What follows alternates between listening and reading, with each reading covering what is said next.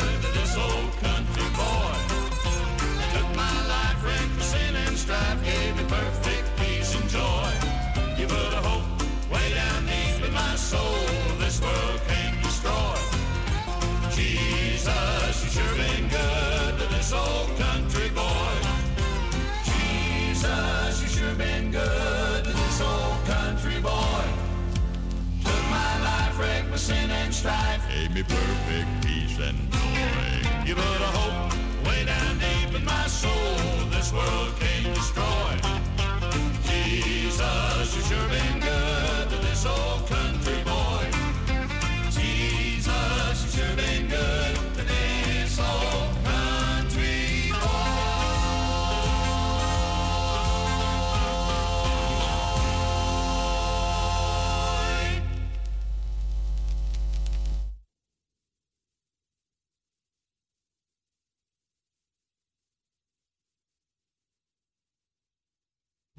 Want u luistert naar Radio Parousia tot de klok van 12 uur. Tot 12 uur is dit uw Gospel Radio.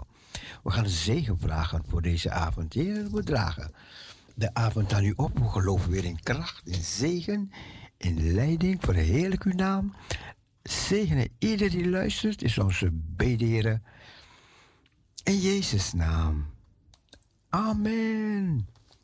Amen. Geniet van uw gospel radio, Parousia.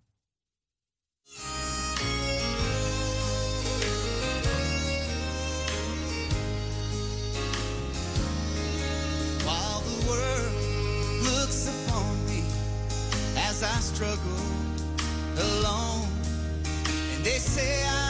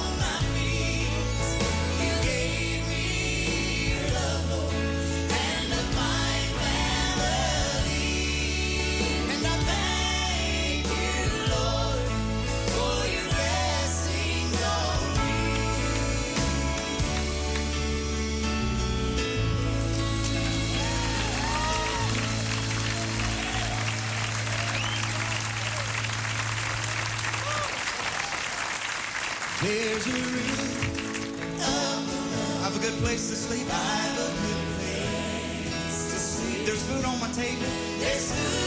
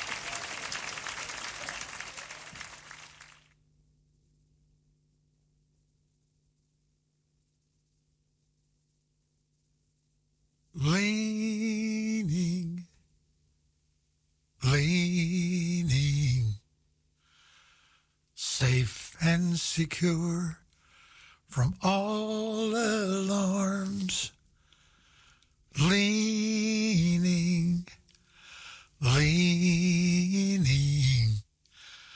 leaning on the everlasting arms. What a fellowship! What a joy divine! leaning on the everlasting arms. What a blessedness, what a peace is mine. Leaning on the everlasting arms. Leaning, leaning. secure from all alarms. Leaning, leaning, leaning on the everlasting arms.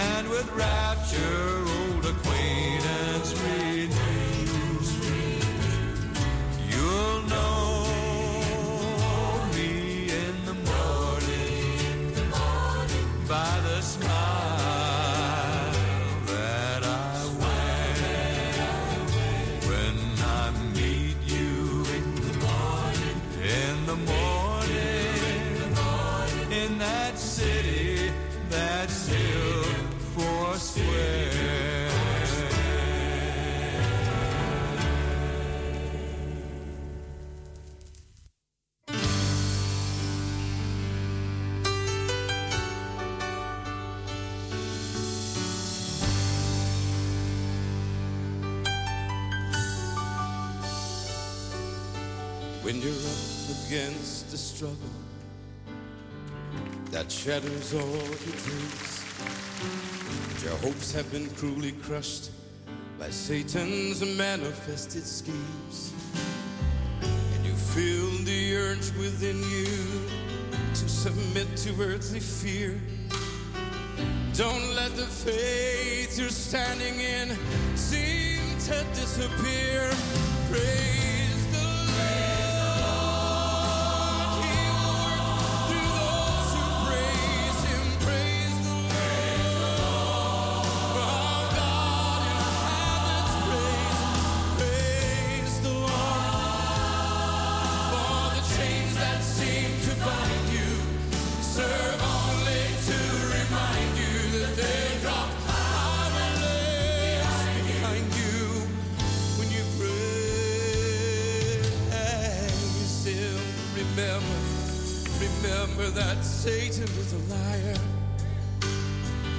He wants to make us think that we are paupers when he knows himself that we're children of the king.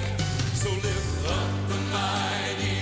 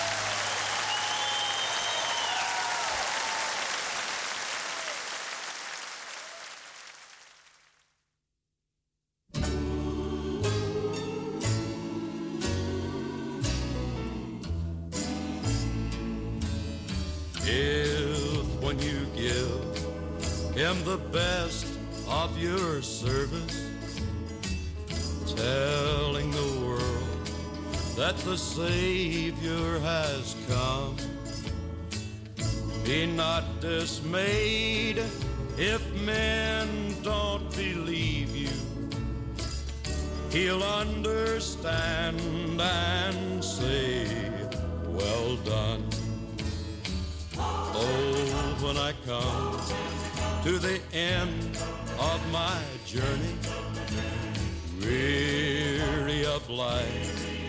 and the battle is won.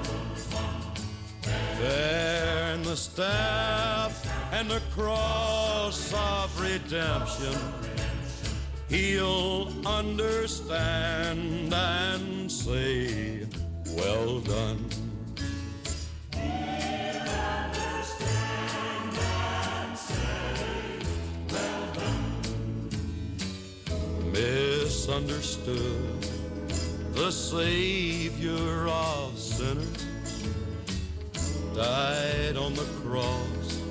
He was God's only son.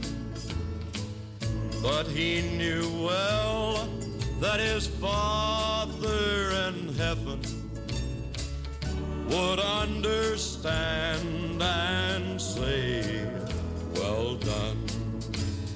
Oh, when I come to the end of my journey, weary of life and the battle is won. Bearing the staff and the cross of redemption, he'll understand and say, Well.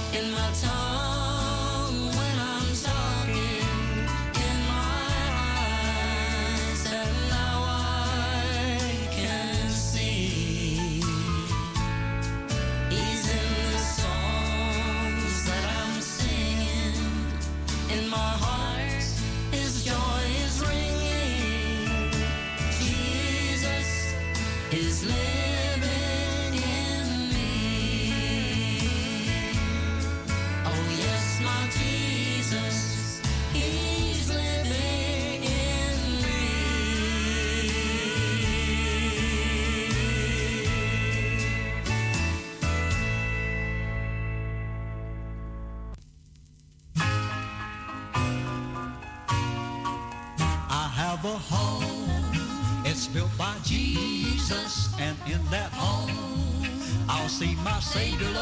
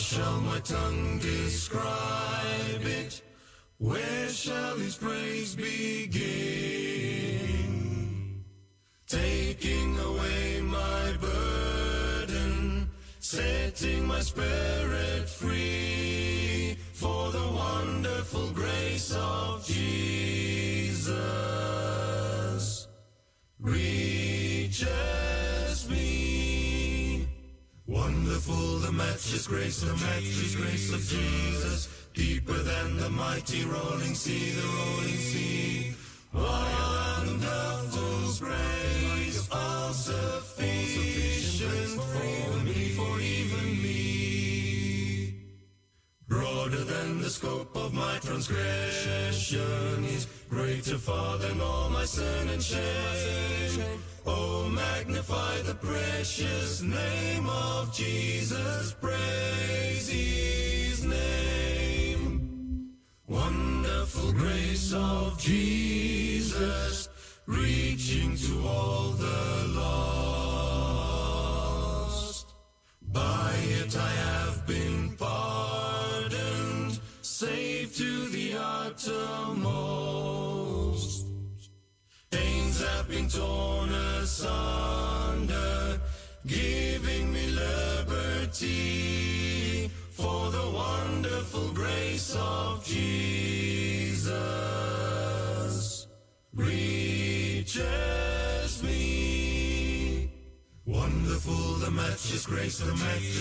of Jesus, deeper than the mighty rolling sea, the rolling sea. Wonderful grace, all sufficient for me, for even me. Broader than the scope of my transgressions, greater far than all my sin and shame. Oh, magnify the precious name of Jesus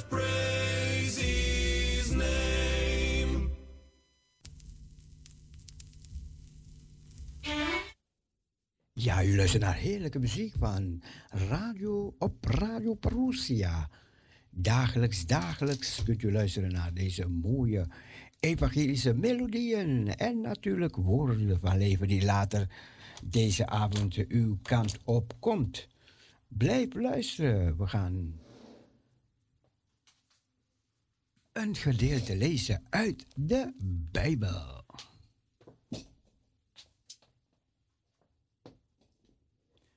De Bijbel, het levend woord van God.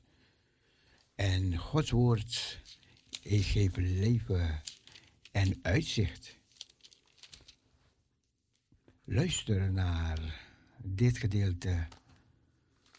Even kijken. Ik lees een psalm. Psalm 94.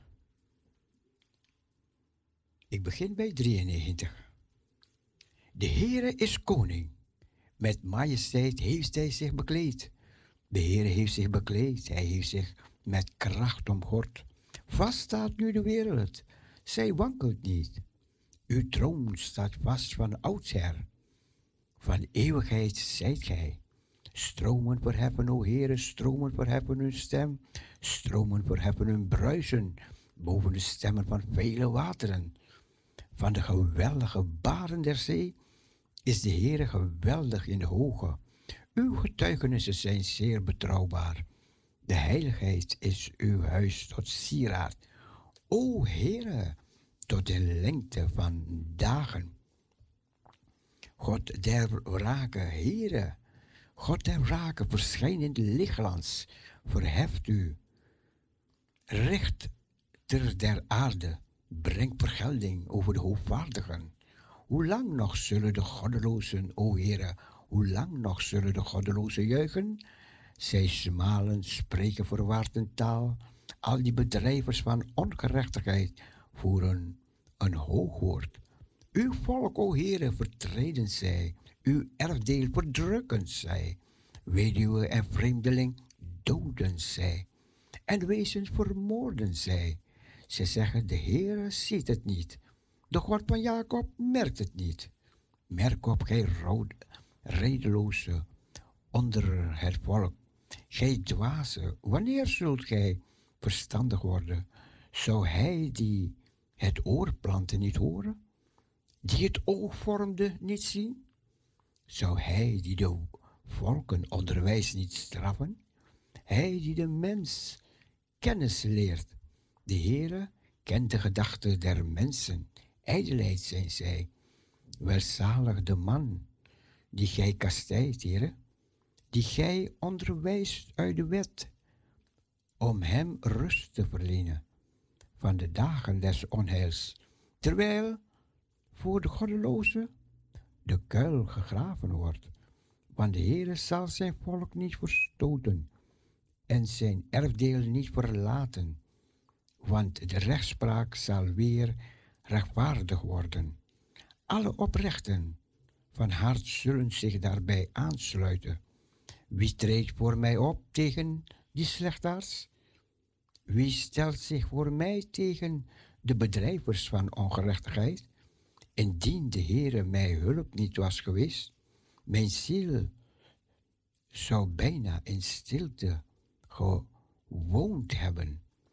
Als ik dacht, mijn voet wankelt, dan ondersteunde mij uw goede tierenheid, o Heere, bij de hoeveelheid van mijn gedachten in mijn binnenste verkwikten uw vertroosting mijn ziel. Gij hebt iets gemeen met de zetel van het verdelf, die onder schijn van recht onheil sticht. Zij maken jacht, jacht op het leven van de rechtvaardige. En onschuldig bloed verklaren zij schuldig.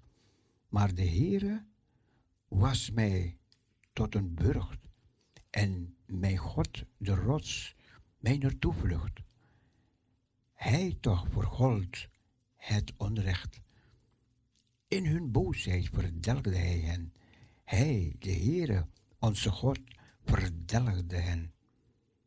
Ik las u voor Psalm 93 en 94. En boven dat gedeelte staat de zegepraal van het recht en de Heere is geweldig in de hoge.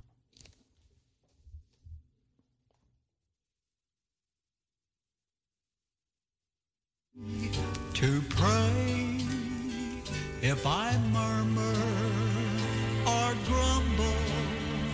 Forgive I say. Give me strength to carry my load day by day. But don't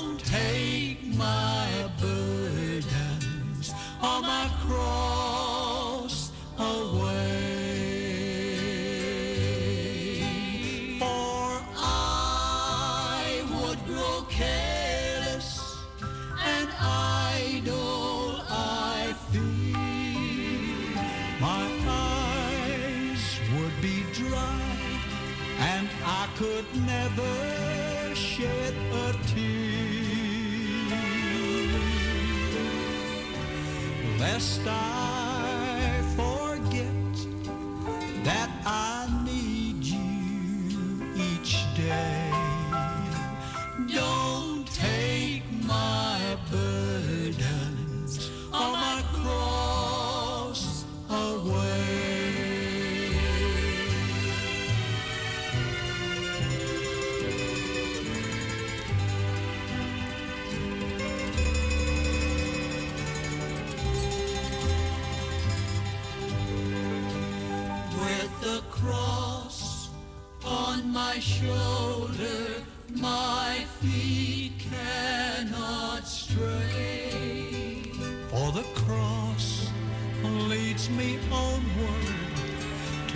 home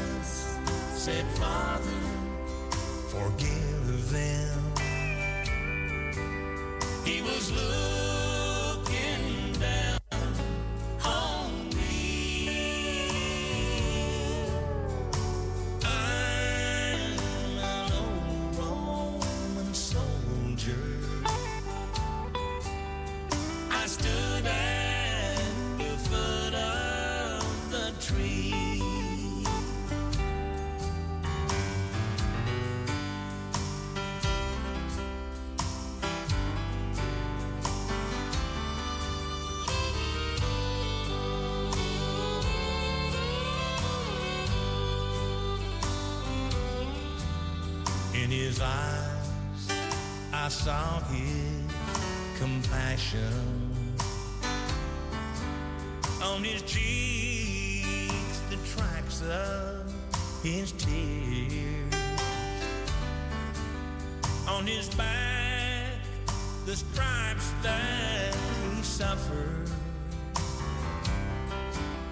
In his side, the wound from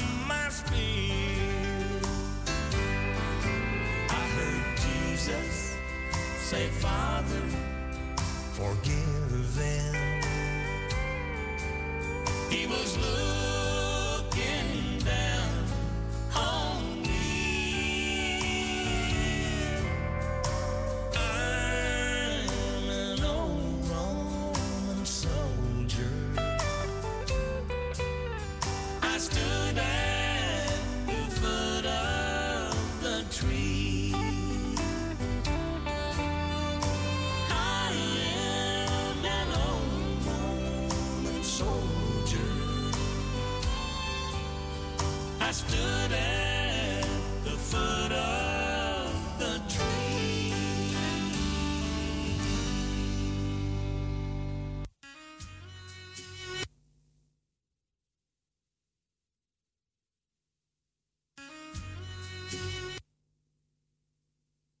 we gaan weer verder.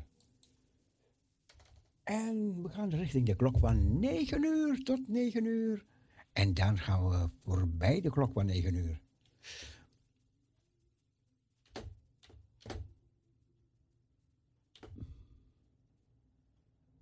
Ja, Israël, verheugt u in uw maker. Israël, verheug u in uw maker. En passie Israël, verheugt u in uw maker.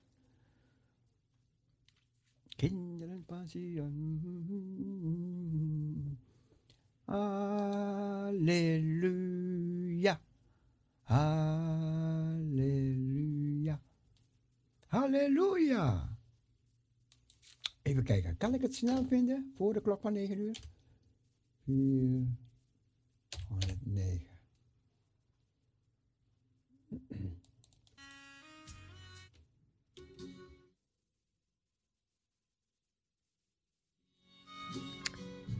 Nee, dus nee, dan druk ik het na 9 uur.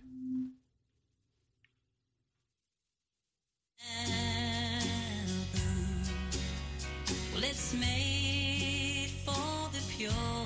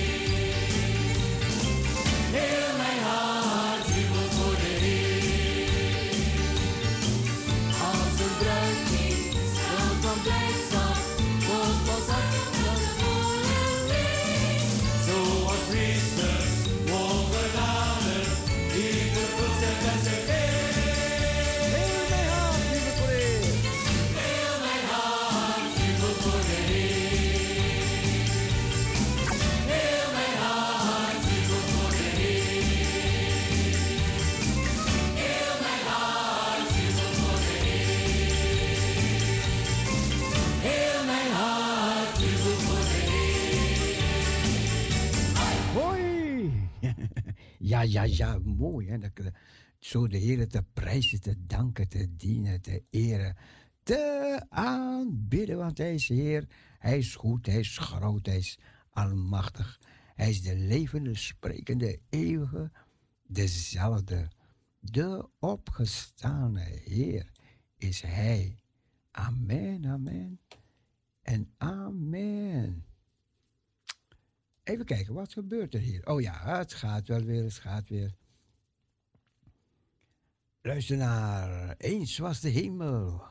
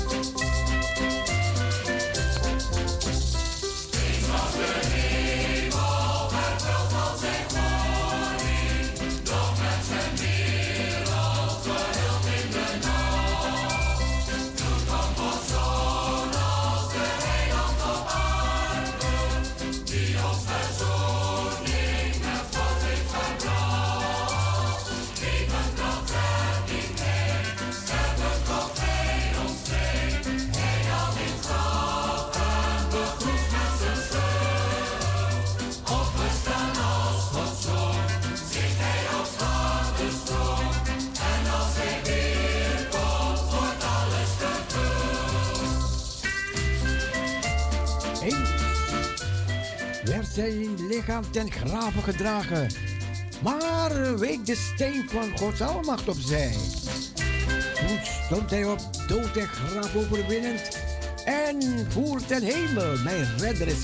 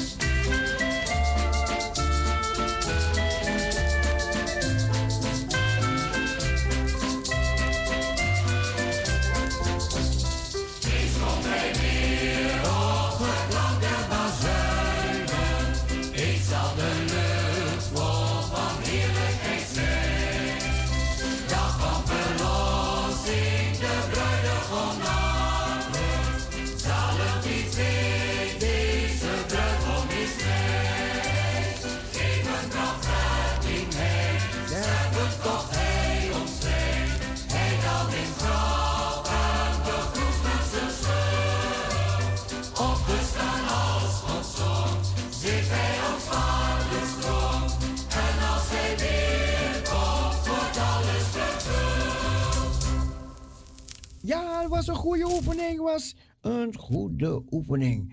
Eens, eens, eens. Wat mooi was dat, hè? Eens was de hemel vervuld van zijn glorie, doch mens en wereld gehuld in de nacht. Toen kwam Gods Zoon als heiland op aarde, die ons verzoening met God heeft gebracht. Levend bracht redding mij, stervend kocht hij ons vrij. Hij daalde in het graf en begroef mensens schuld. Opgestaan als Gods zoon, zit hij aan vaders troon.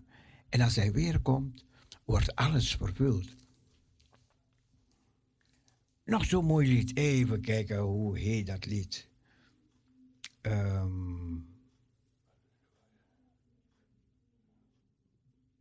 de dierbare heiland. Ja, die gaan we zingen.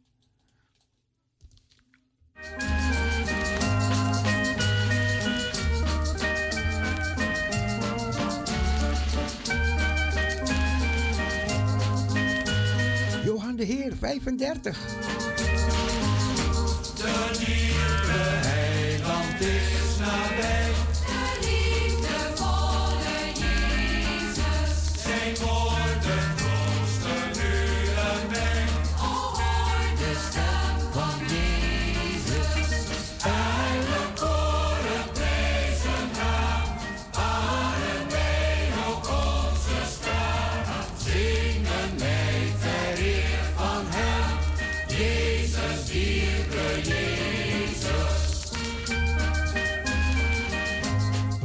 te zingen, dan kan je morgen ook mee zingen.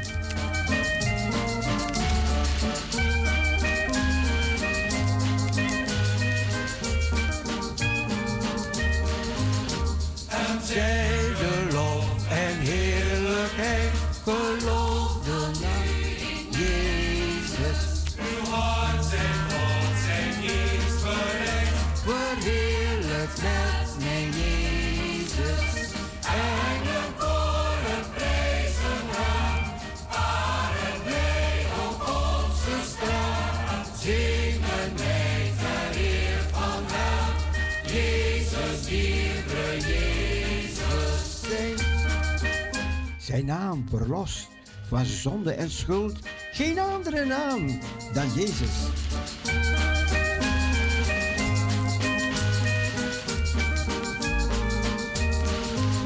Zijn naam verlost van zonde en schuld. Geen andere naam dan Jezus. Wordt met zijn geest vervuld.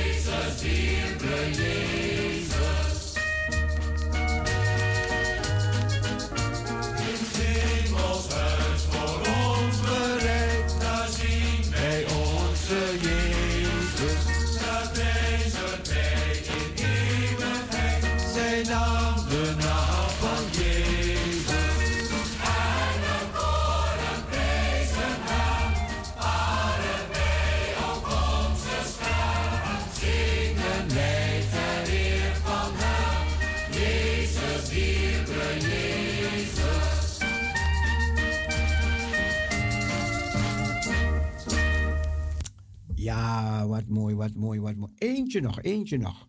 Eentje nog. Waar, waar, waar? Waar zijn de maaiers? Wie wil gaan? Ga mee zingen, ga mee zingen.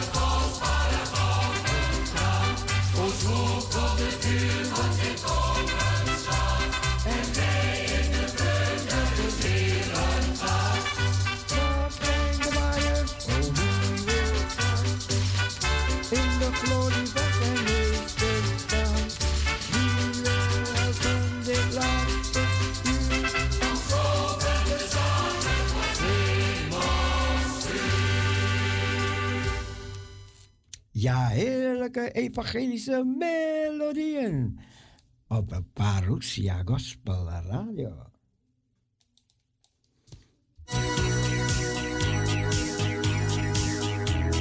Ja, was even een zangoefening.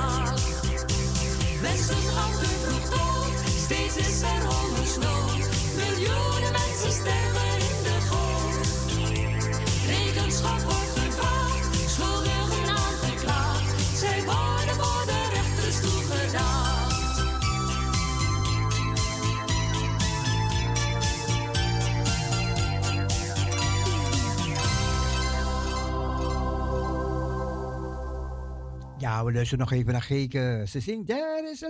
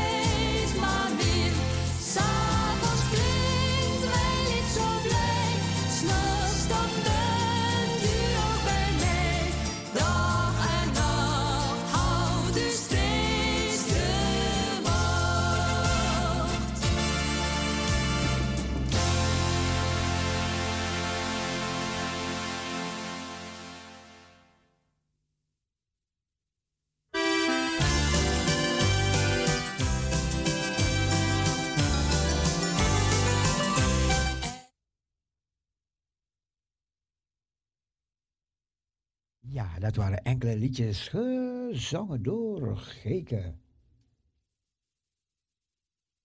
Esther Tim, zij zingt het liedje dat ik niet kon vinden verleden. U geeft om mij, hier is hij. En ik zocht en ik zocht en ik kon het niet vinden. Irene, hoor het liedje hier.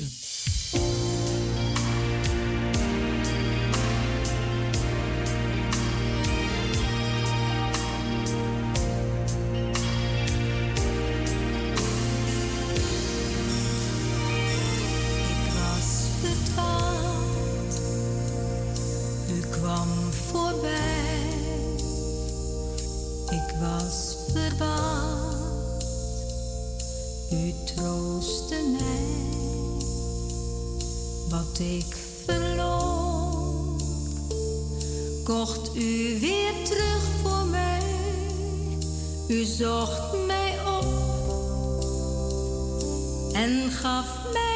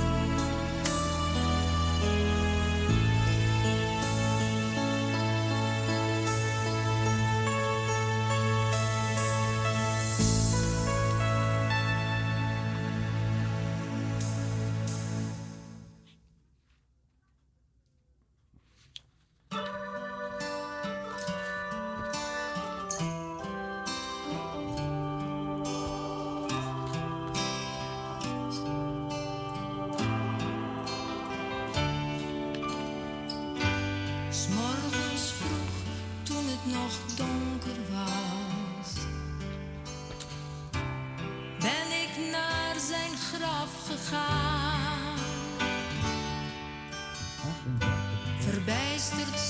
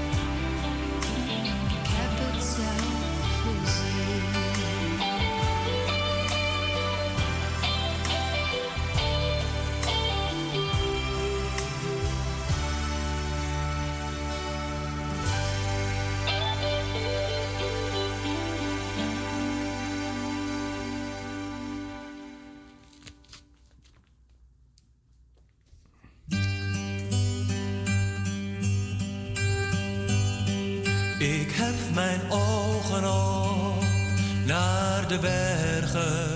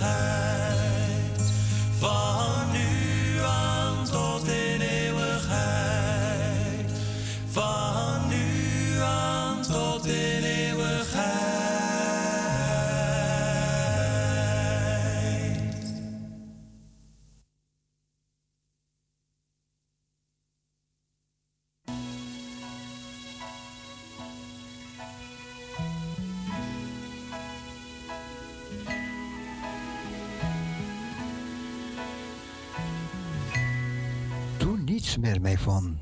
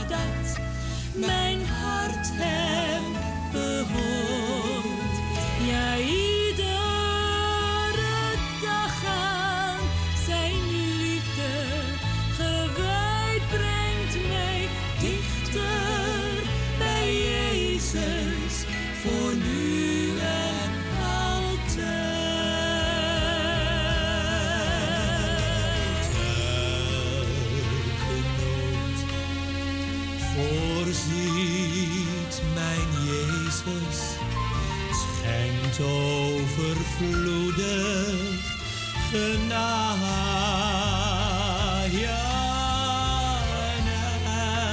Elke dag wil ik mijn Jezus dienen, uit dank voor het over.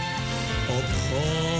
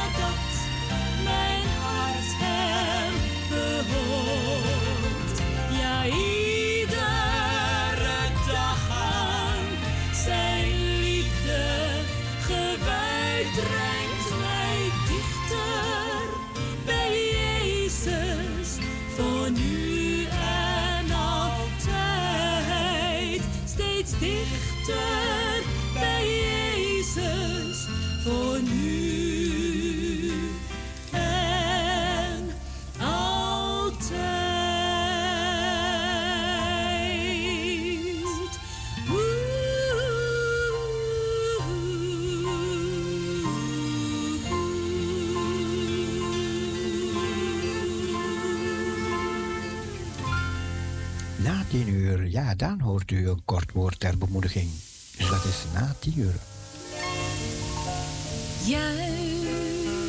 toen ik dacht dat mijn hoop was verdwenen en het leven geen zin en geen inhoud meer had.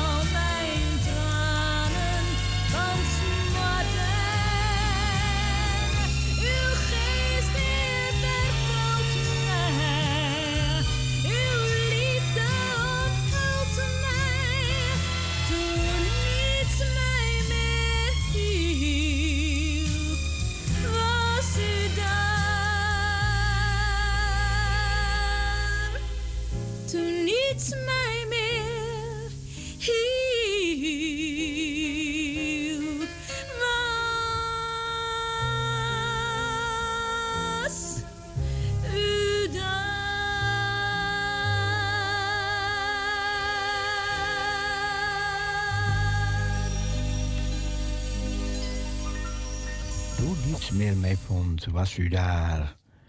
Ja, we gaan naar de klok van 10 uur. We gaan even pauzeren. En daarna hoort u een korte overdenking. Dus we gaan richting de klok van 10 uur. Dus even een pauze. Pauze. Inlassen.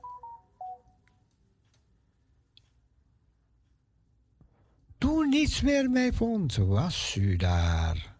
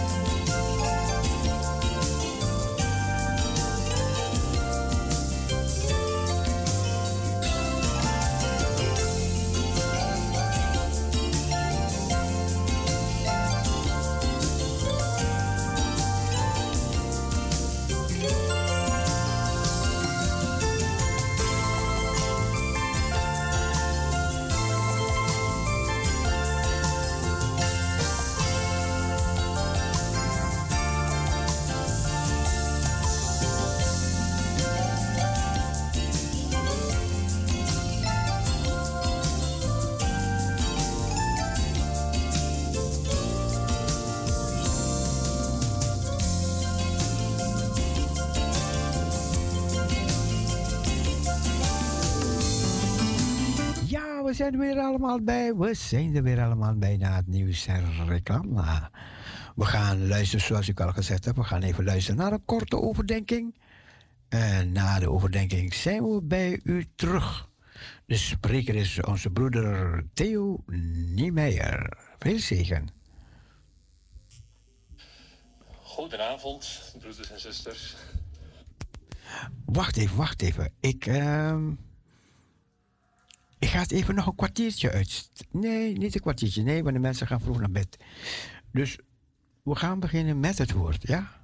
Broeders en zusters, fijn dat we vanavond nog weer een keer zo bij elkaar kunnen komen. En ehm, vanavond wil ik graag met u nadenken over het vrederijk. Het Messiaanse vrederijk. We leven op dit moment in. We beleven op dit moment hele spannende tijden. U weet dat Rusland Oekraïne ingevallen is.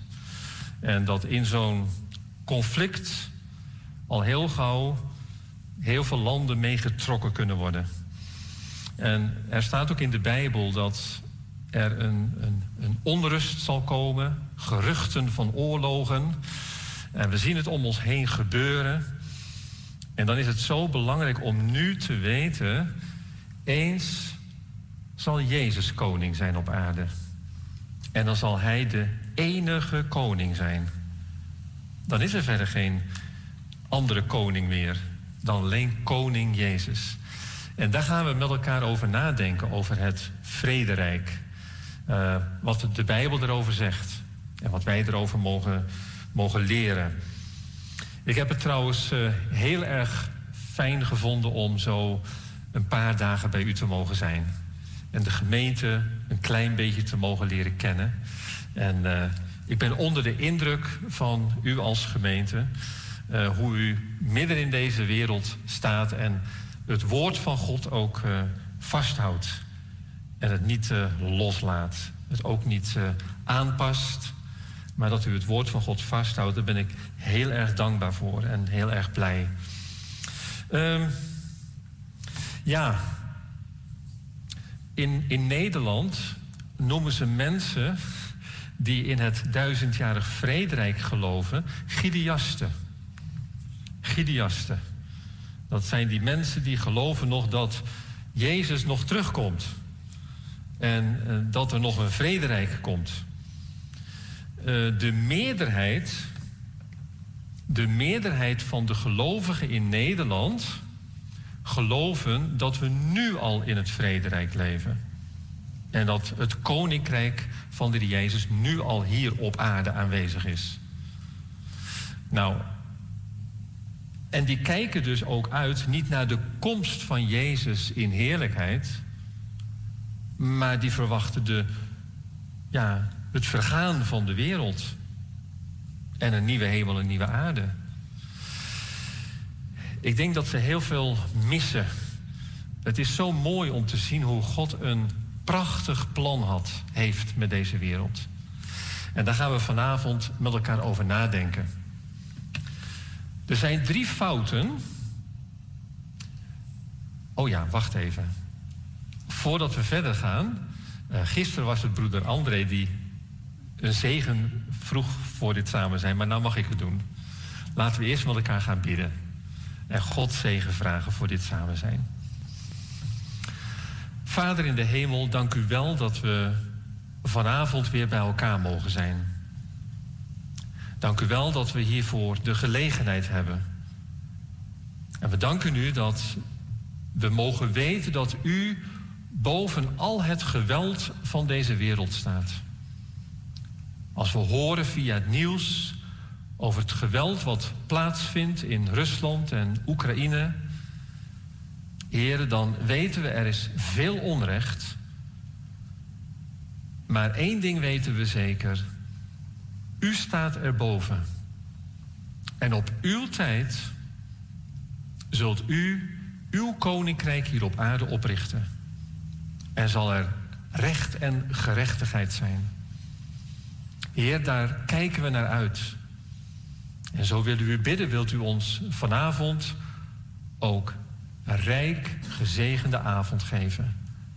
Dank u wel daarvoor. In Jezus' naam. Amen. Amen. Er zijn drie fouten die vaak gemaakt worden. De eerste fout is dat mensen de gemeente, de kerk, verwisselen met Israël. De kerk is niet Israël en Israël is ook niet de kerk. Uh, heel veel, wij noemen dat de vervangingsleer. Dat heel veel christenen zeggen: de kerk is vandaag Gods Israël. Uh, dat is ook een van de uitspraken van Augustinus, die zei: de ware kerk, de kerk is het ware Israël. Israël, ik vind het zo mooi dat in de Bijbel staat dat de Jezus in Johannes 4 tegen de Samaritaanse vrouw zegt: Het heil is uit de Joden. Het heil, de verlossing is uit de Joden. En God heeft Israël gebruikt om ons de verlossing aan te bieden. Daar heeft God Israël voor gebruikt. Um, de Jezus, die bad aan het kruis: Vader, vergeef het hun, want zij weten niet wat ze doen. U kent dat vers wel uit Matthäus, of nee, uit Lucas. Zij weten niet wat ze doen. Toen Petrus na de uitstorting van de Heilige Geest, naar Pinksteren, het Joodse volk toesprak, zei Petrus tegen de Joden: Jullie hebben uit onwetendheid gehandeld. Jullie wisten het ook niet. Ze waren verblind. Ze hadden ogen, maar konden niet zien. Ze hadden oren, maar konden niet horen. Ze hadden een hart, maar het merkte niet op. Waarom heeft God dit volk onder een bedekking gebracht? Om ons te kunnen redden. Om de redding van ons. Want als, als Israël, als het Joodse volk de Messias aanvaard had, zouden ze hem dan gekruisigd hebben? Nee, dan hadden ze hem niet gekruisigd. Waren we niet verlost. Dus het was Gods plan. En God heeft Israël, en dat zegt Paulus heel duidelijk in de Romeinenbrief, God heeft Israël niet verworpen. Het is en het blijft Gods verbondsvolk. En hij zal met Israël straks ook tot zijn doel komen, zoals we gisteravond ook gehoord hebben. Je kunt niet zeggen de gemeente is Israël. Nee, God heeft een plan met de gemeente en God heeft een plan met Israël. Dat is het eerste. De tweede fout die gemaakt wordt, dat is we verwisselen het heden met de toekomst. Uh, een verwisseling van wat ik net al zei, wij leven nu al in het vrederijk, terwijl dat nog toekomst is. Dat is de tweede fout die gemaakt wordt. En de derde fout die gemaakt wordt, dat is dat het vrederijk, het Messiaanse vrederijk, wordt vergeestelijkt. Dat moet je niet letterlijk nemen, maar dat, is een, een, een, dat moet je vergeestelijken. Nou, daar geloof ik dus helemaal niets van. Ik geloof dat we de Bijbel, het woord van God, mogen geloven zoals het er staat. Johannes de Heer, die zei in zijn prediking wel eens: lees wat er staat, geloof wat er staat, dan heb je wat er staat. En dat was zo duidelijk dat Johannes de Heer dat zo las. En we moeten niet alles zomaar vergeestelijken. Uh, het vrederijk, het duizendjarig vrederijk, is, is iets wat waarachtig is. Dat de, de waarachtigheid van het vrederijk. Uh, laten we maar twee stukjes lezen over dat vrederijk in Jesaja en in het boek Openbaring. In Jesaja hoofdstuk 2. Jesaja hoofdstuk 2.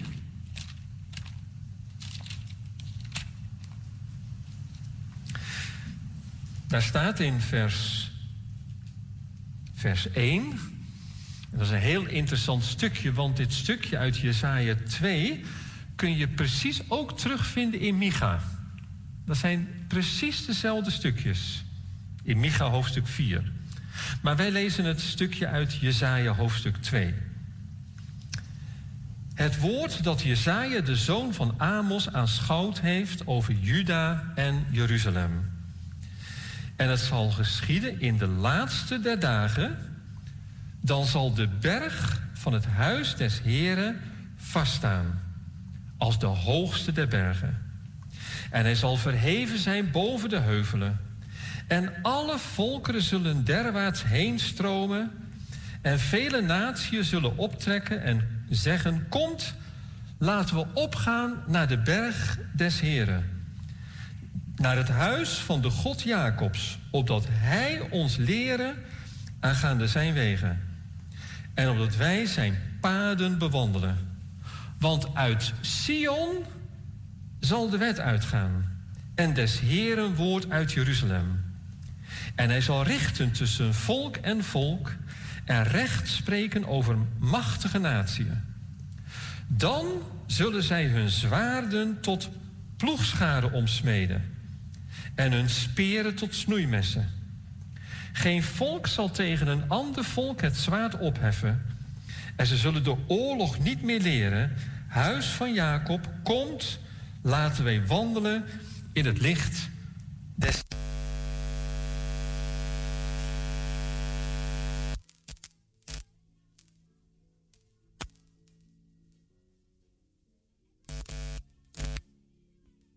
Dat de zwaarden tot ploegscharen en de speren tot snoeimessen omgesmeed zullen worden. U weet waarschijnlijk wel dat voor het gebouw van de Verenigde Naties in New York staat dit standbeeld.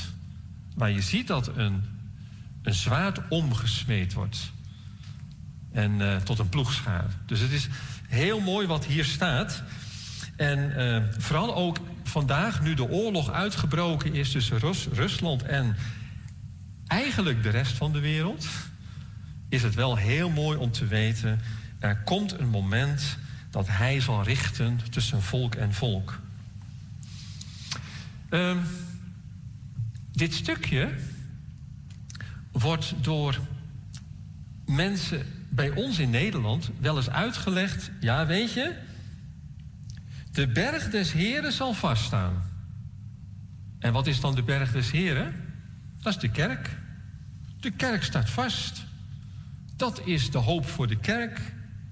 En alle volkeren zullen heen stromen naar, niet naar Jeruzalem, maar naar de kerk. Ze betrekken alles op zichzelf. En dat is de grote fout die gemaakt wordt.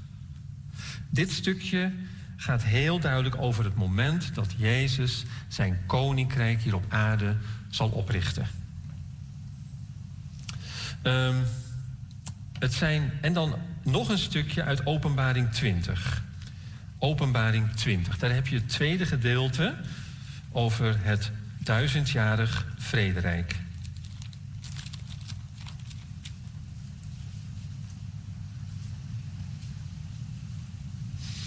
In Openbaring hoofdstuk 20, vers 1 tot en met 6. En ik zag een engel neerdalen uit de hemel met de sleutels van de afgrond en een grote keten in zijn hand. En hij greep de draak, de oude slang, dat is de duivel, de Satan, en hij bond hem duizend jaar. Hij wierp hem in de afgrond, sloot en verzegelde die boven hem, opdat hij de volkeren niet meer zou verleiden voordat de duizend jaren voleindigd waren. Daarna moet hij voor een korte tijd worden losgelaten. Nou, hier wordt dus ook weer gesproken over dat duizendjarig vrederijk. En ik geloof dat het ook echt duizend jaar zal duren. Het is heel interessant dat uh, wij nu al zo'n 6000 jaar hier leven. Uh, vanaf Genesis. En uh, men zegt wel eens, God had gezegd, de zevende dag is een rustdag. Het zevende jaar is een rustjaar. Het zevende millennium is het duizendjarig vrederijk.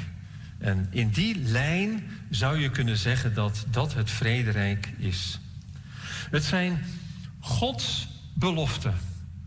God heeft beloofd dat dit koninkrijk, dat vrederijk hier op aarde er zal zijn. Hij belooft dat aan Israël.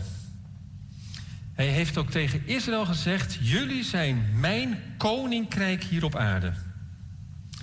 En dat staat zo mooi in uh, Romeinen hoofdstuk 11, vers 29. Romeinen, laten we het maar eens even lezen. Romeinen 11, vers 29.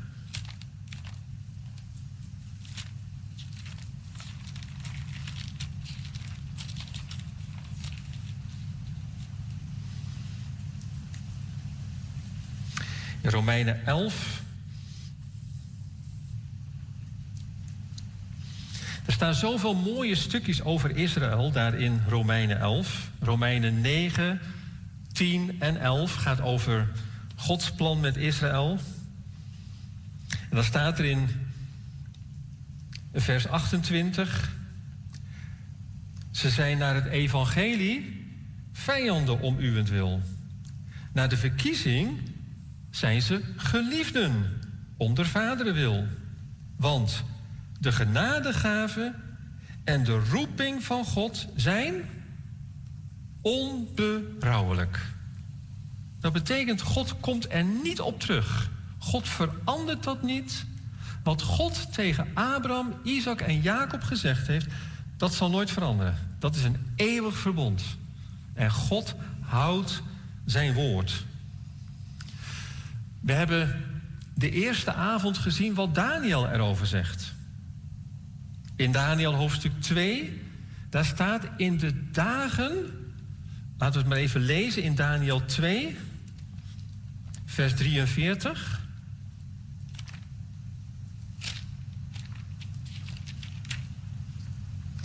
Oh, in Daniel 2, vers 44 bedoel ik. Dan staat er, Daniel 2, vers 44.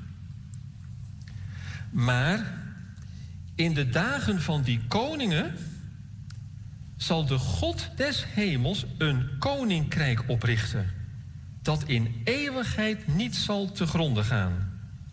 En waarvan de heerschappij op geen ander volk meer zal overgaan. Het zal al die koninkrijken verbrijzelen en daar een einde maken maar zelf zal het bestaan in eeuwigheid. God kondigt dit rijk aan. Er zal straks een eeuwig koninkrijk zijn hier op aarde. Door de wederkomst van Christus. Dus Daniel, die kondigt het aan in het Oude Testament. In het Nieuwe Testament heeft u er wel eens over nagedacht dat. Um, um, ja, misschien goed om dat even te lezen in Handelingen 1. Dat de Jezus tussen zijn opstanding en zijn hemelvaart 40 dagen hier op aarde was. 40 dagen. Nou, wij hebben hier vier avonden met elkaar nagedacht over de Bijbelse toekomstverwachting. Weet u waar de Jezus met de apostelen 40 dagen over gesproken heeft. 40 dagen, niet vier, niet vier avonden hoor. Maar 40 dagen heeft de Jezus over een thema gesproken. En wat was het thema?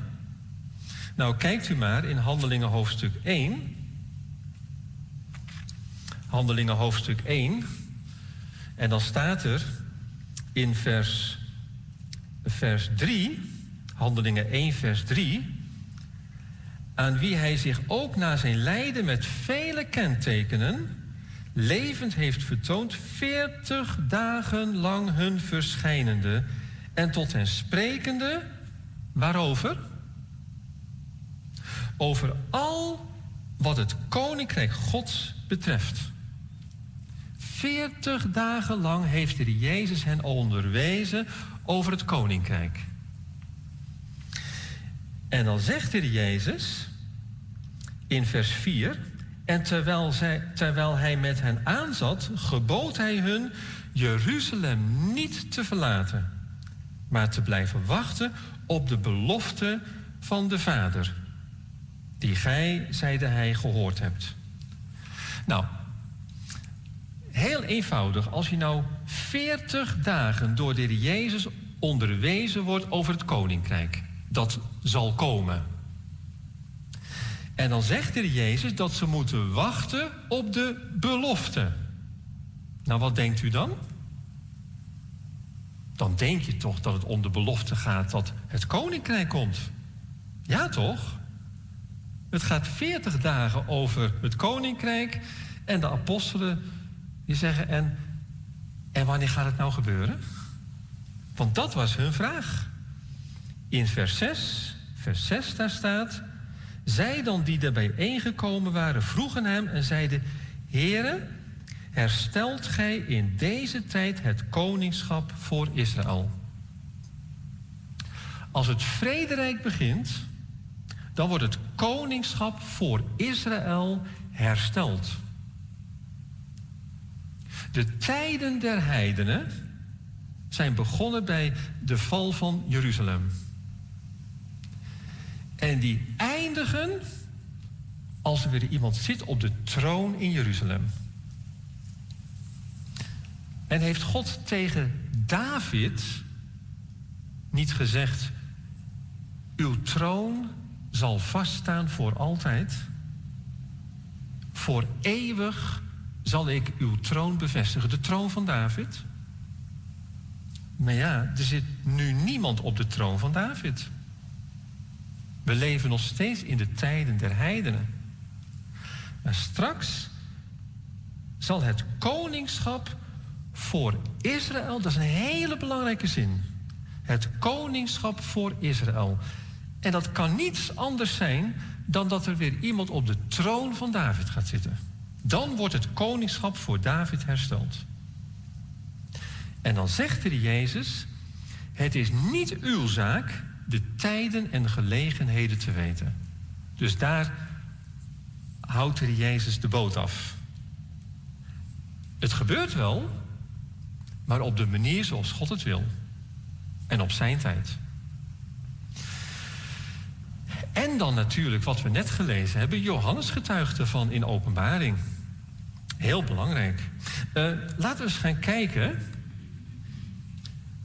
wat de verhouding is tussen Christus en het vrederijk.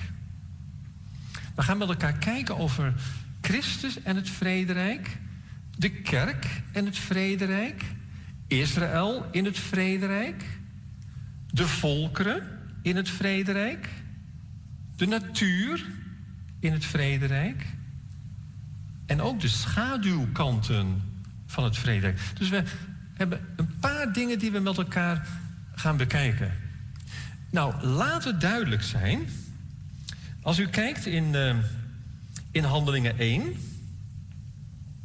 Daar staat in vers 9, Handelingen 1, vers 9. Tot en met 11 het volgende. Handelingen 1, vers 9. Laten we bij vers 9 beginnen. En nadat hij dit gesproken had, werd Jezus opgenomen. En terwijl dan staat er, en zet er maar een streep onder in uw Bijbel. Hij werd opgenomen terwijl zij het zagen. De andere keren hebben ze dat niet gezien. Verdween de Heer Jezus. Ineens. Zo van, ineens was hij er niet meer. Maar nu zagen ze Jezus naar de hemel varen. Het was nu heel anders. Hij werd opgenomen terwijl zij het zagen. Ten tweede, en een wolk ontrok hem aan hun ogen. En toen zij naar de hemel staarden, terwijl hij heen voer, zie, twee mannen in witte klederen stonden bij hen, die ook zeiden: Galileese mannen, wat staat gij daar en ziet op naar de hemel? Deze Jezus, die van u opgenomen is naar de hemel, zal op dezelfde wijze weer terugkomen als gij hem ten hemel hebt zien varen. Bij ons in Nederland zijn er predikanten die zeggen: Deze Jezus, weet je, wanneer Jezus teruggekomen is? Jezus is al teruggekomen. Toen de Heilige Geest naar beneden kwam. Dat was de wederkomst van Jezus. Dus we, hoeven nou niet meer uit te kijken naar de komst van Jezus. Is al gebeurd. Gelooft u dat? Deze Jezus? Nee, ze zeggen deze Jezus. Niet de trooster, de andere trooster. Maar deze Jezus, die 33 jaar hier op aarde geleefd heeft. Hij zal terugkomen. Of anderen zeggen, de wederkomst van Jezus vindt plaats als we de Bijbel lezen. Dan komt Hij door zijn woord naar ons terug. En zo proberen ze de wederkomst van Jezus te vergeestelijken. En te zeggen, we hoeven er niet meer naar uit te kijken. Hij is al gekomen. Nou, dan ga je op een verkeerde manier om met de Bijbel. Hij zal komen. En, en weet u, er staat hier in, uh, in vers 11... hij zal op dezelfde manier weer terugkomen. Dezelfde manier. Hij werd opgenomen naar de hemel terwijl zij het zagen. Hij komt terug naar de aarde en dan staat er...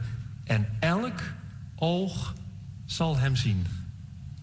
Hij werd opgenomen op de wolken. En Matthäus zegt hij zal terugkomen op de wolken. Hij werd opgenomen vanaf de Olijfberg en hij zal terugkomen op de Olijfberg.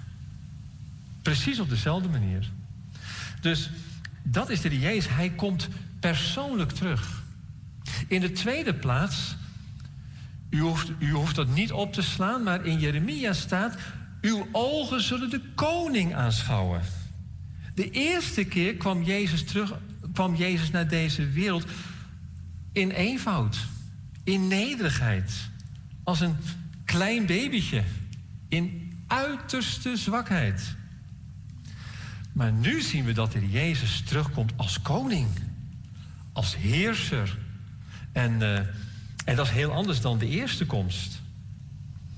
De Jezus die komt terug als rechter. Dat is het derde. Hij komt persoonlijk terug.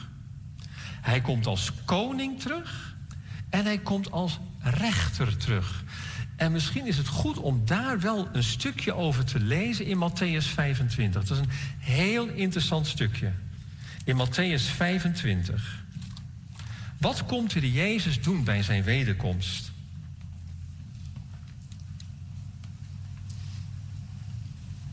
In Matthäus 25, daar staat in vers 31, Matthäus 25, vers 31.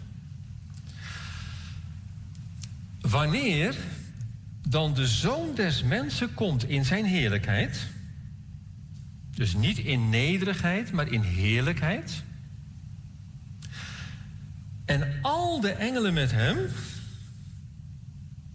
dan zal hij plaatsnemen op de troon zijner heerlijkheid. En al de volkeren zullen voor hem verzameld worden. En hij zal ze van elkaar scheiden, zoals een herder de schapen scheidt van de bokken. En hij zal de schapen zetten aan zijn rechterhand en de bokken aan zijn linkerhand. En dan zal de koning tot hen die aan zijn rechterhand zijn zeggen: Komt, gij gezegende mijns vaders, beërft het koninkrijk dat u bereid is van de grondlegging der wereld af. Ik heb honger geleden, gij hebt mij te eten gegeven. Ik heb dorst geleden, gij hebt mij te drinken gegeven. Ik ben een vreemdeling geweest, gij hebt mij gehuisvest. Naakt en gij hebt mij gekleed. Ziek en gij hebt mij bezocht. Ik ben in de gevangenis geweest en gij zijt tot mij gekomen. Dan zullen de rechtvaardigen hem antwoorden, zeggende: Heere, wanneer hebben wij u hongerig gezien? Wanneer hebben wij u gevoed of dorstig en hebben wij u te drinken gegeven? Wanneer hebben wij u als vreemdelingen gezien en hebben u gehuisvest? Of naakt en hebben u gekleed? Wanneer hebben wij u ziek of in de gevangenis gezien en zijn tot u gekomen? En de koning zal hun antwoorden en zeggen: Voorwaar, ik zeg u, in zoverre gij dit aan een van deze mijn minste broeders hebt gedaan, hebt gij het mij gedaan. Dat is interessant. Waar gaat het hier om? Als je dit stukje niet goed begrijpt, en er zijn er heel veel in Nederland die zo hierover denken, die zeggen: Weet je, ga de, ga de mensen maar kleren geven. Ga de mensen maar drinken geven. Ga de mensen maar eten geven. Wees maar goed voor elkaar. Dan kom je wel in de hemel. Staat hij toch? In zoverre gij dit aan een van deze mijn minst hebt gedaan, heb je het mij gedaan. Dus laten we maar goed zijn voor de mensen om ons heen. En dat hoor je zo vaak. Nou, als ik er niet kom, ik geef zoveel weg en ik help de mensen zo, dus ik kom wel in de hemel. Dan wordt dit stukje de basis, zeggen wij dan, voor het sociale evangelie. Het sociale evangelie. Maar gaat het hierom? Wat is hier aan de hand? De Jezus die komt hier als koning en die zet zich neer op de troon hier op aarde. Dit is de troon van David, de troon van zijn heerlijkheid, de troon van zijn koningschap. Hij komt op de troon te zitten. En dan zullen alle volkeren die dan op aarde zijn, die zullen voor hem verzameld worden. En hij zal ze als bokken van de schapen van elkaar scheiden. En dan zegt de Jezus, zoverre gij dit aan een van deze mijn minste broeders hebt gedaan, heb je het mij gedaan. En nou gaat het daarom, wie, zijn, wie bedoelt Jezus nu met deze mijn minste broeders? Wie bedoelt Jezus daar nou mee? Weet u dat dit een oorlogstribunaal is? Weet u dat er Jezus hier komt om af te rekenen met alle vijanden van Israël? Ditzelfde stukje, ditzelfde stukje staat ook, misschien kunt u dat even met mij opslaan in Joël. De tweede kleine profeet, in Joël 3 vers 2. In Joël, net aan het einde van het Oude Testament, ja, de tweede kleine profeet, Joël. En dan staat er in hoofdstuk 3. En dat stukje in Joël is hetzelfde stukje als in Matthäus 25. Het stukje in Joël, Joël hoofdstuk 3, vers 1, daar staat: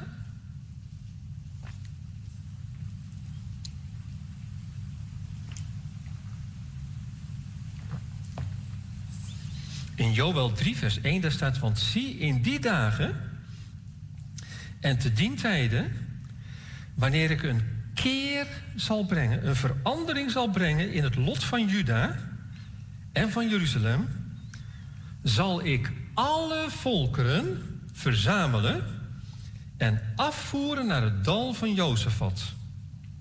En dat ligt daar voor Jeruzalem, in het Kedrondal.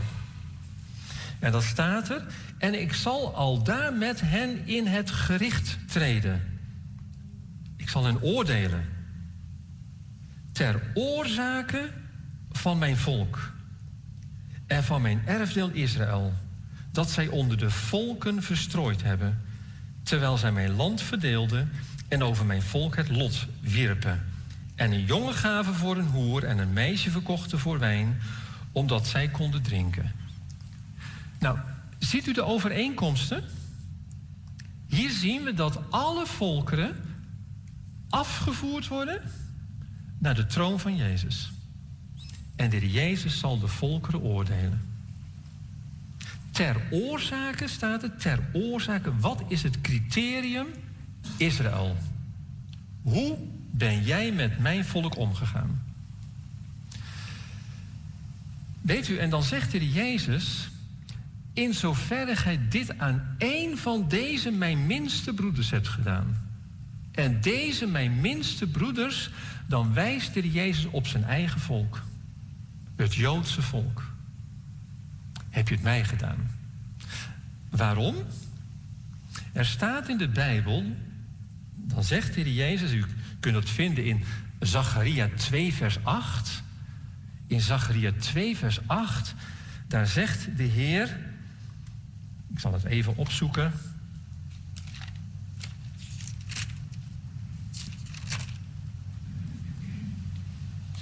Zacharia 2, vers 8, daar staat het laatste stukje. Ik zal het even lezen, vers 8, Zacharia 2, vers 8. Want zo zegt de Heer der Heerscharen, wiens heerlijkheid mij gezonden heeft, aangaande de volken die u uitgeplunderd hebben.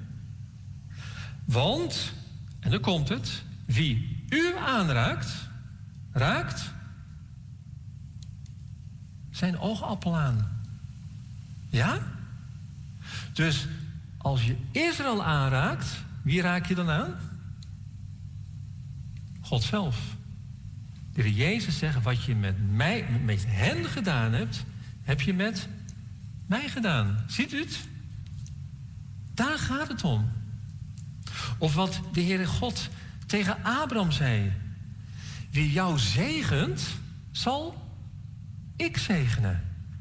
Wie jou vervloekt, zal ik vervloeken. En hier zien we dat oorlogstribunaal.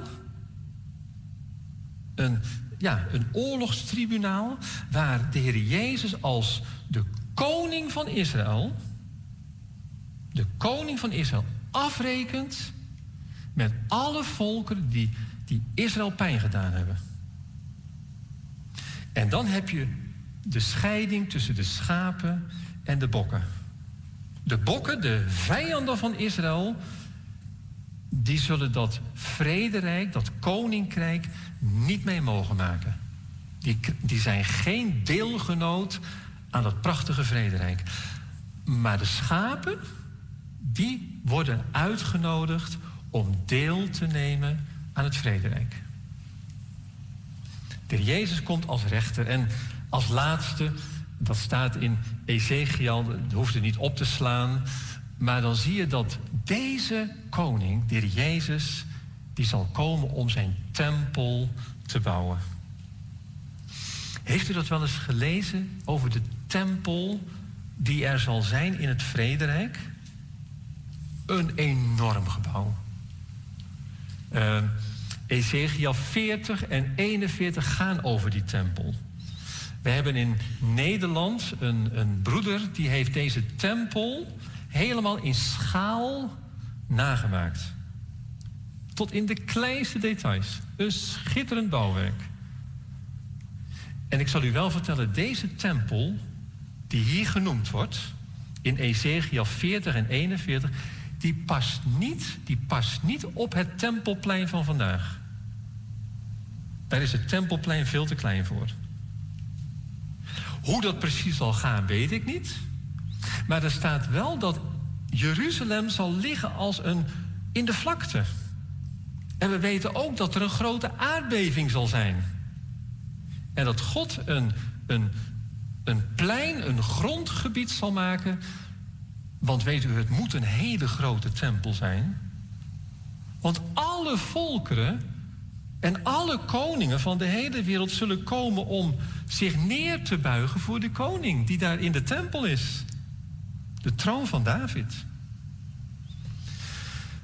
De Jezus en het vrederijk.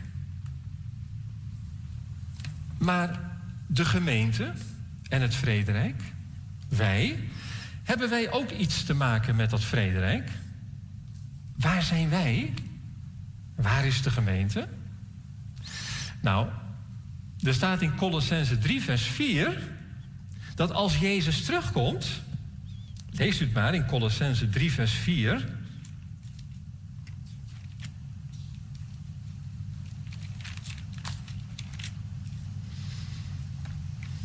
Misschien, eh, ja, vers 4 daar staat, wanneer Christus verschijnt, de epifanie, het zichtbaar worden van Christus, zult ook gij met hem verschijnen in heerlijkheid. Zie je het staan? Zijn wederkomst is ook onze wederkomst, want wij komen met Christus terug. Ik vind het een hele mooie vers, wat eh, hier ook over staat in, eh, in, in, in, in 2, 2 Thessalonicense 1.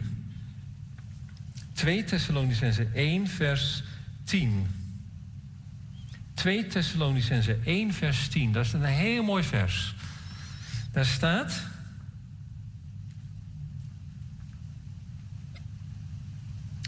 Wanneer hij komt om op die dag verheerlijkt te worden in zijn heilige, in zijn gemeente.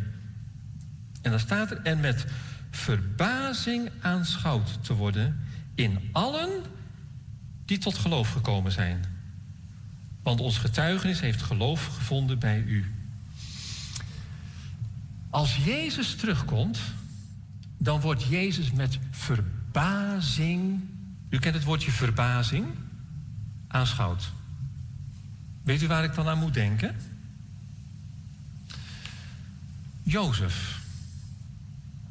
Jozef. Jozef die zijn broers ging zoeken. De geliefde zoon van de vader. Jozef die door zijn broers verworpen werd. En in een put gegooid werd. En uiteindelijk door Juda, niet Judas, maar Juda verkocht werd. Zoals Jezus ook zijn broeders zocht. En ook verworpen werd. En Jezus, Jozef, kwam uiteindelijk terecht onschuldig in de gevangenis. En Jozef, ik zeg wel eens, en Jozef mocht meehelpen in de gevangenis. En hij mocht naar elke gevangeniscel. Je zou kunnen zeggen, Jozef kreeg de sleutels van de gevangenis. Wie heeft de sleutel gekregen van de dood? Jezus, hè? De schenker en de bakker. Ze hadden alle twee een droom gekregen. En Jozef stond er tussenin. En de bakker, die moest sterven. En de schenker mocht leven. Jezus, die aan het kruis tussen twee misdadigers hing. En de ene misdadiger ging verloren. En de andere misdadiger mocht met hem mee naar het paradijs. Jezus, die Jozef, die voor de koning kwam. En dan staat er, toen de honger uitbrak, heeft Jozef de schuren geopend. En van alle kanten kwamen ze op Jozef.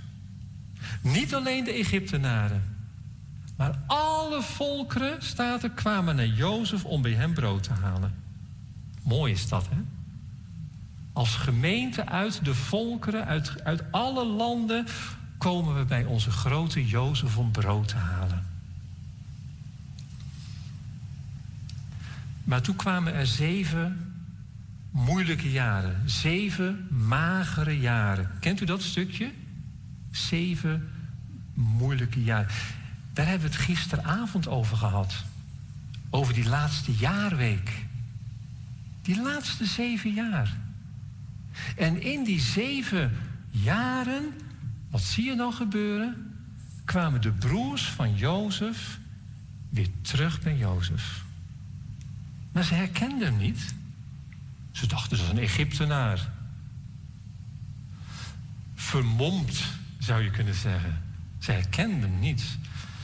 De Joden Als de Joden naar ons kijken hoe wij met Jezus omgaan, dan herkennen ze in Jezus helemaal geen Jood meer.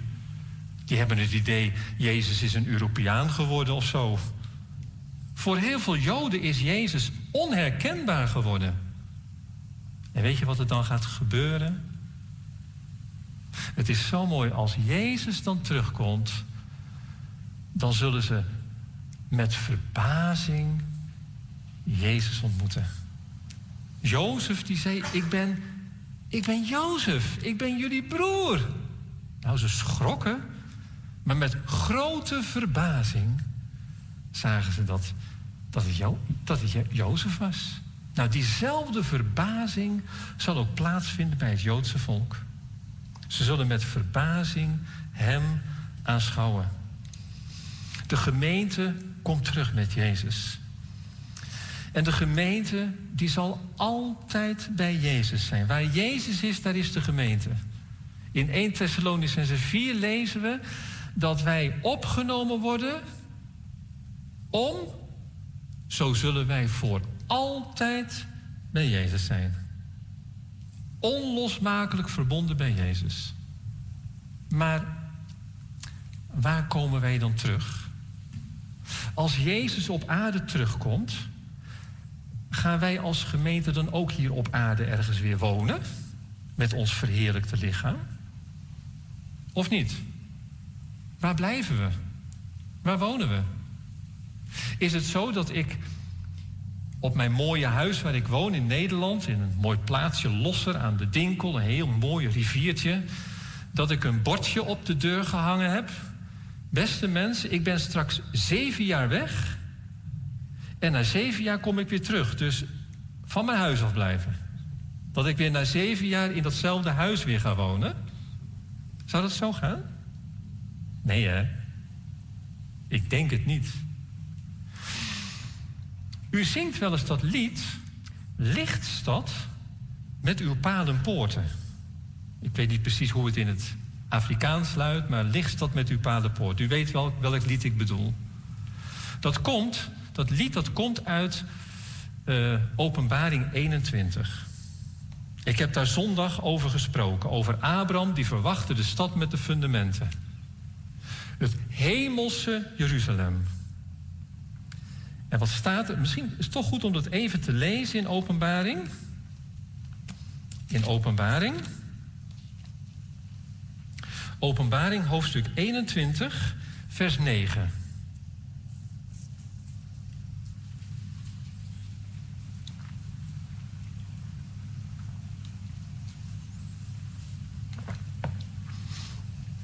In Openbaring 21, vers 9, daar staat. En er kwam een van de zeven engelen met de zeven schalen die vol waren van de laatste zeven plagen. En hij sprak met mij, zeggende: Kom hier, ik zal u tonen de bruid, de vrouw van het Lam.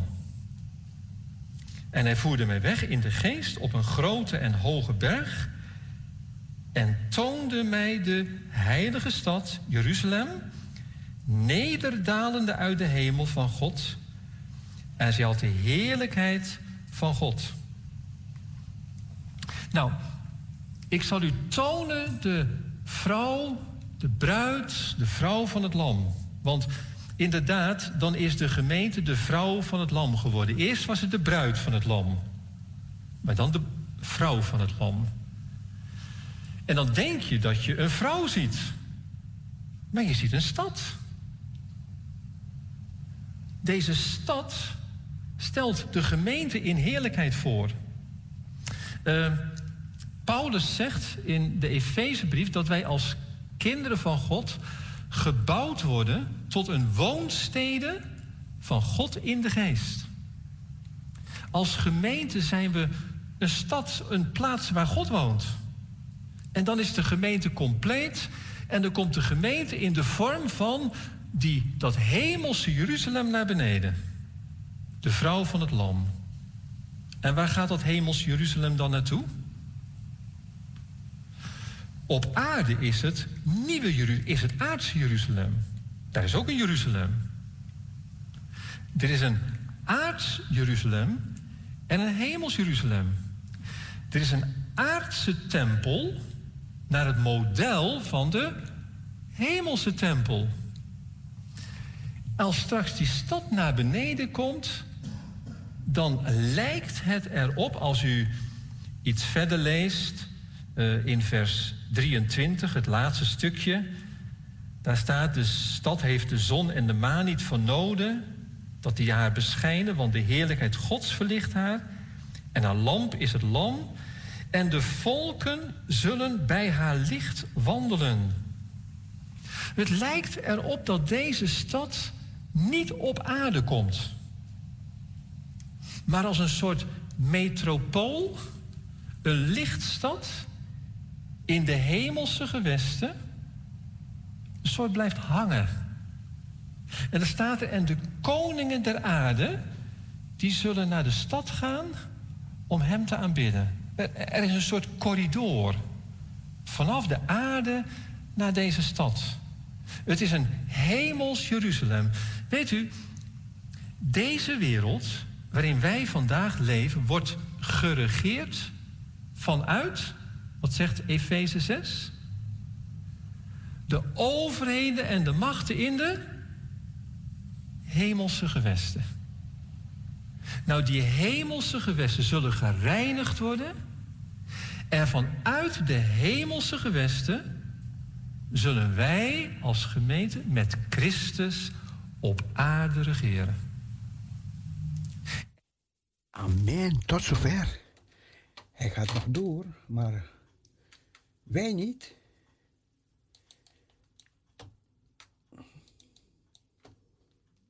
Hemels Jeruzalem en een aards Jeruzalem.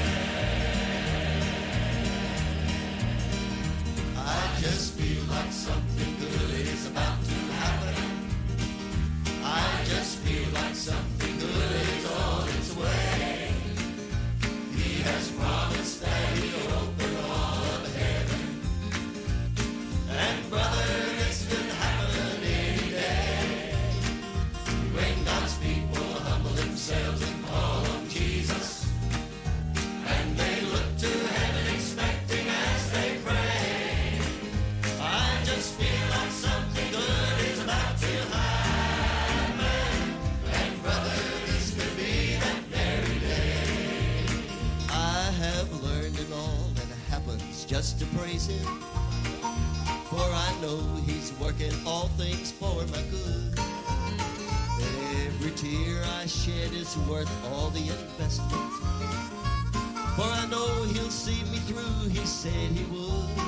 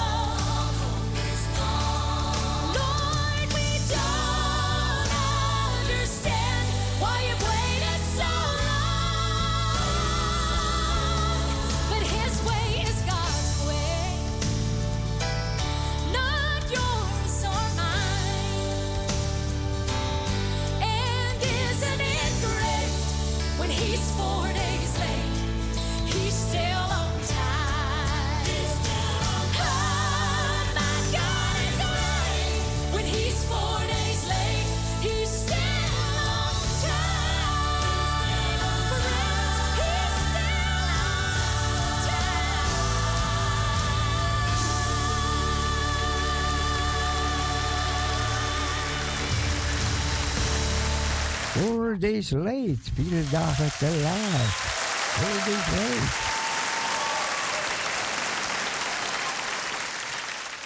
Somebody lost me.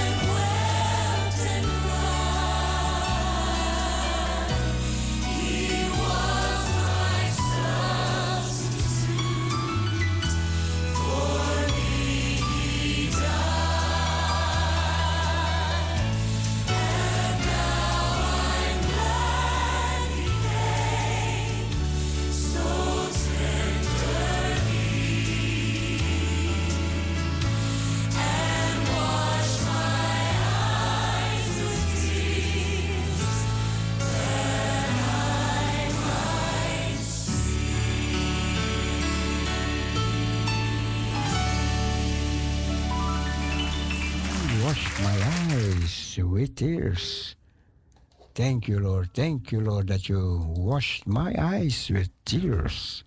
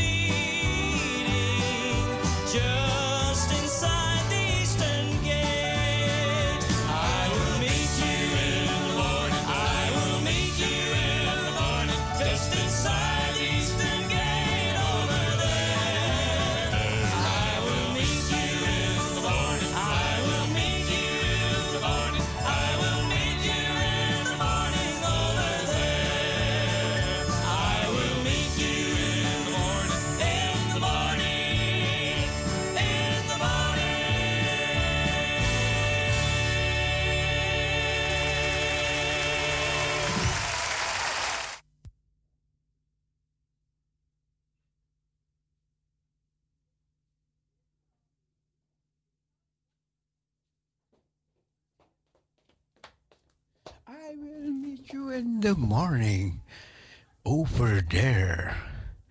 Yeah! We gaan richting de klok van 12 uur.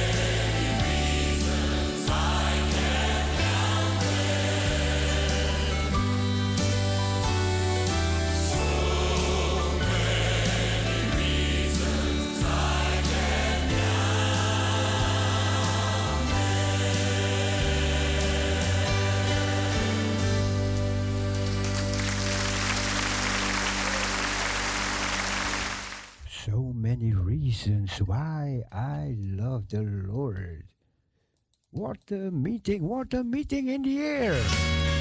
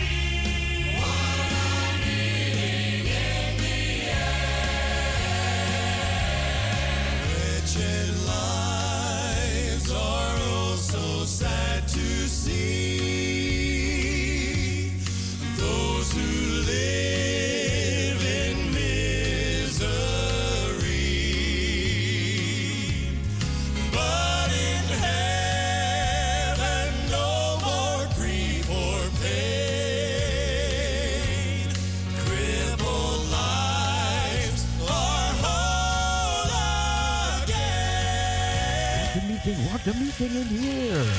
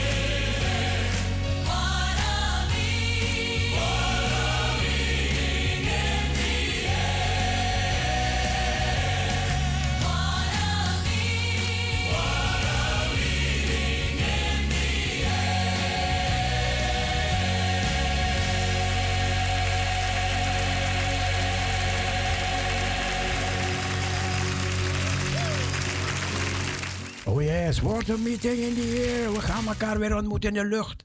Daar, en daar zal de Heer Jezus bij zijn. Wat een ontmoeting. Oh yes, the love of God. Edna, God bless you.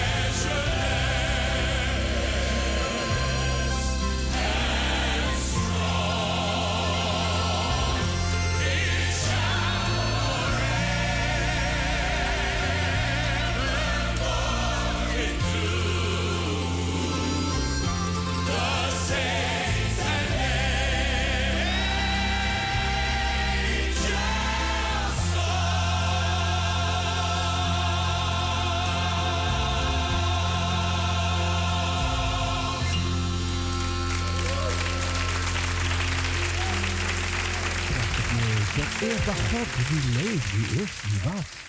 En de Heere God, die zal zijn, zijn heiligheid, zijn grootheid. Glorious freedom. Ja, dat, is een mooie. Even kijken. En waarom gaat hij niet? Nee, nee. Nou ja. Dan een andere.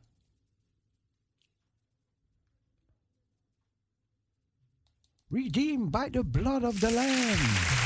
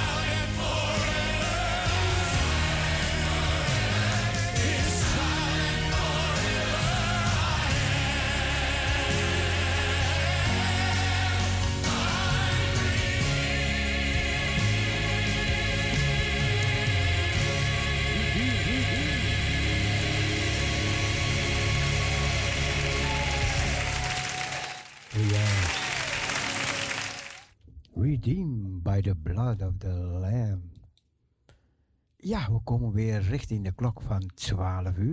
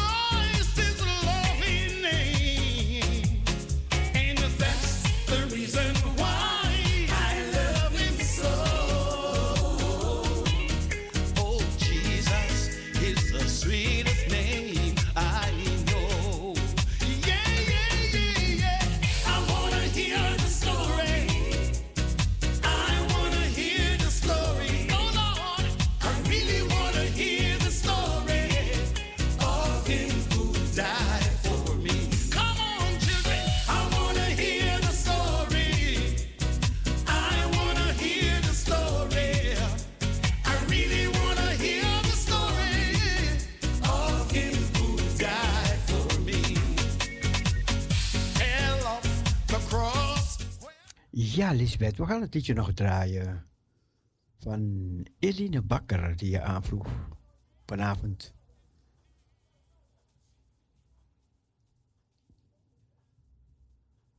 Abba, vader.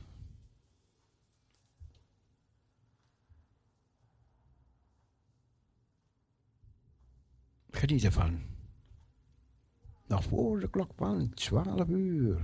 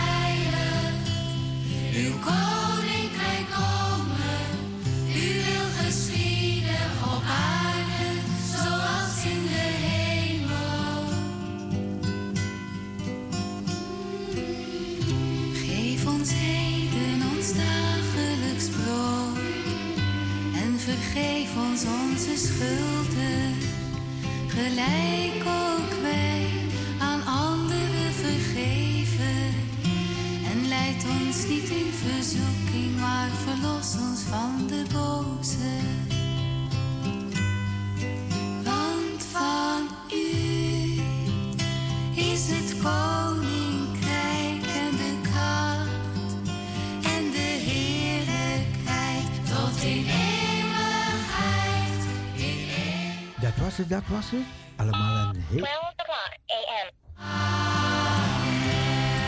Allemaal een hele goede nacht. We zeggen bye bye, zwaai zwaai, doei en God bless you. Slaap lekker. Sweetie.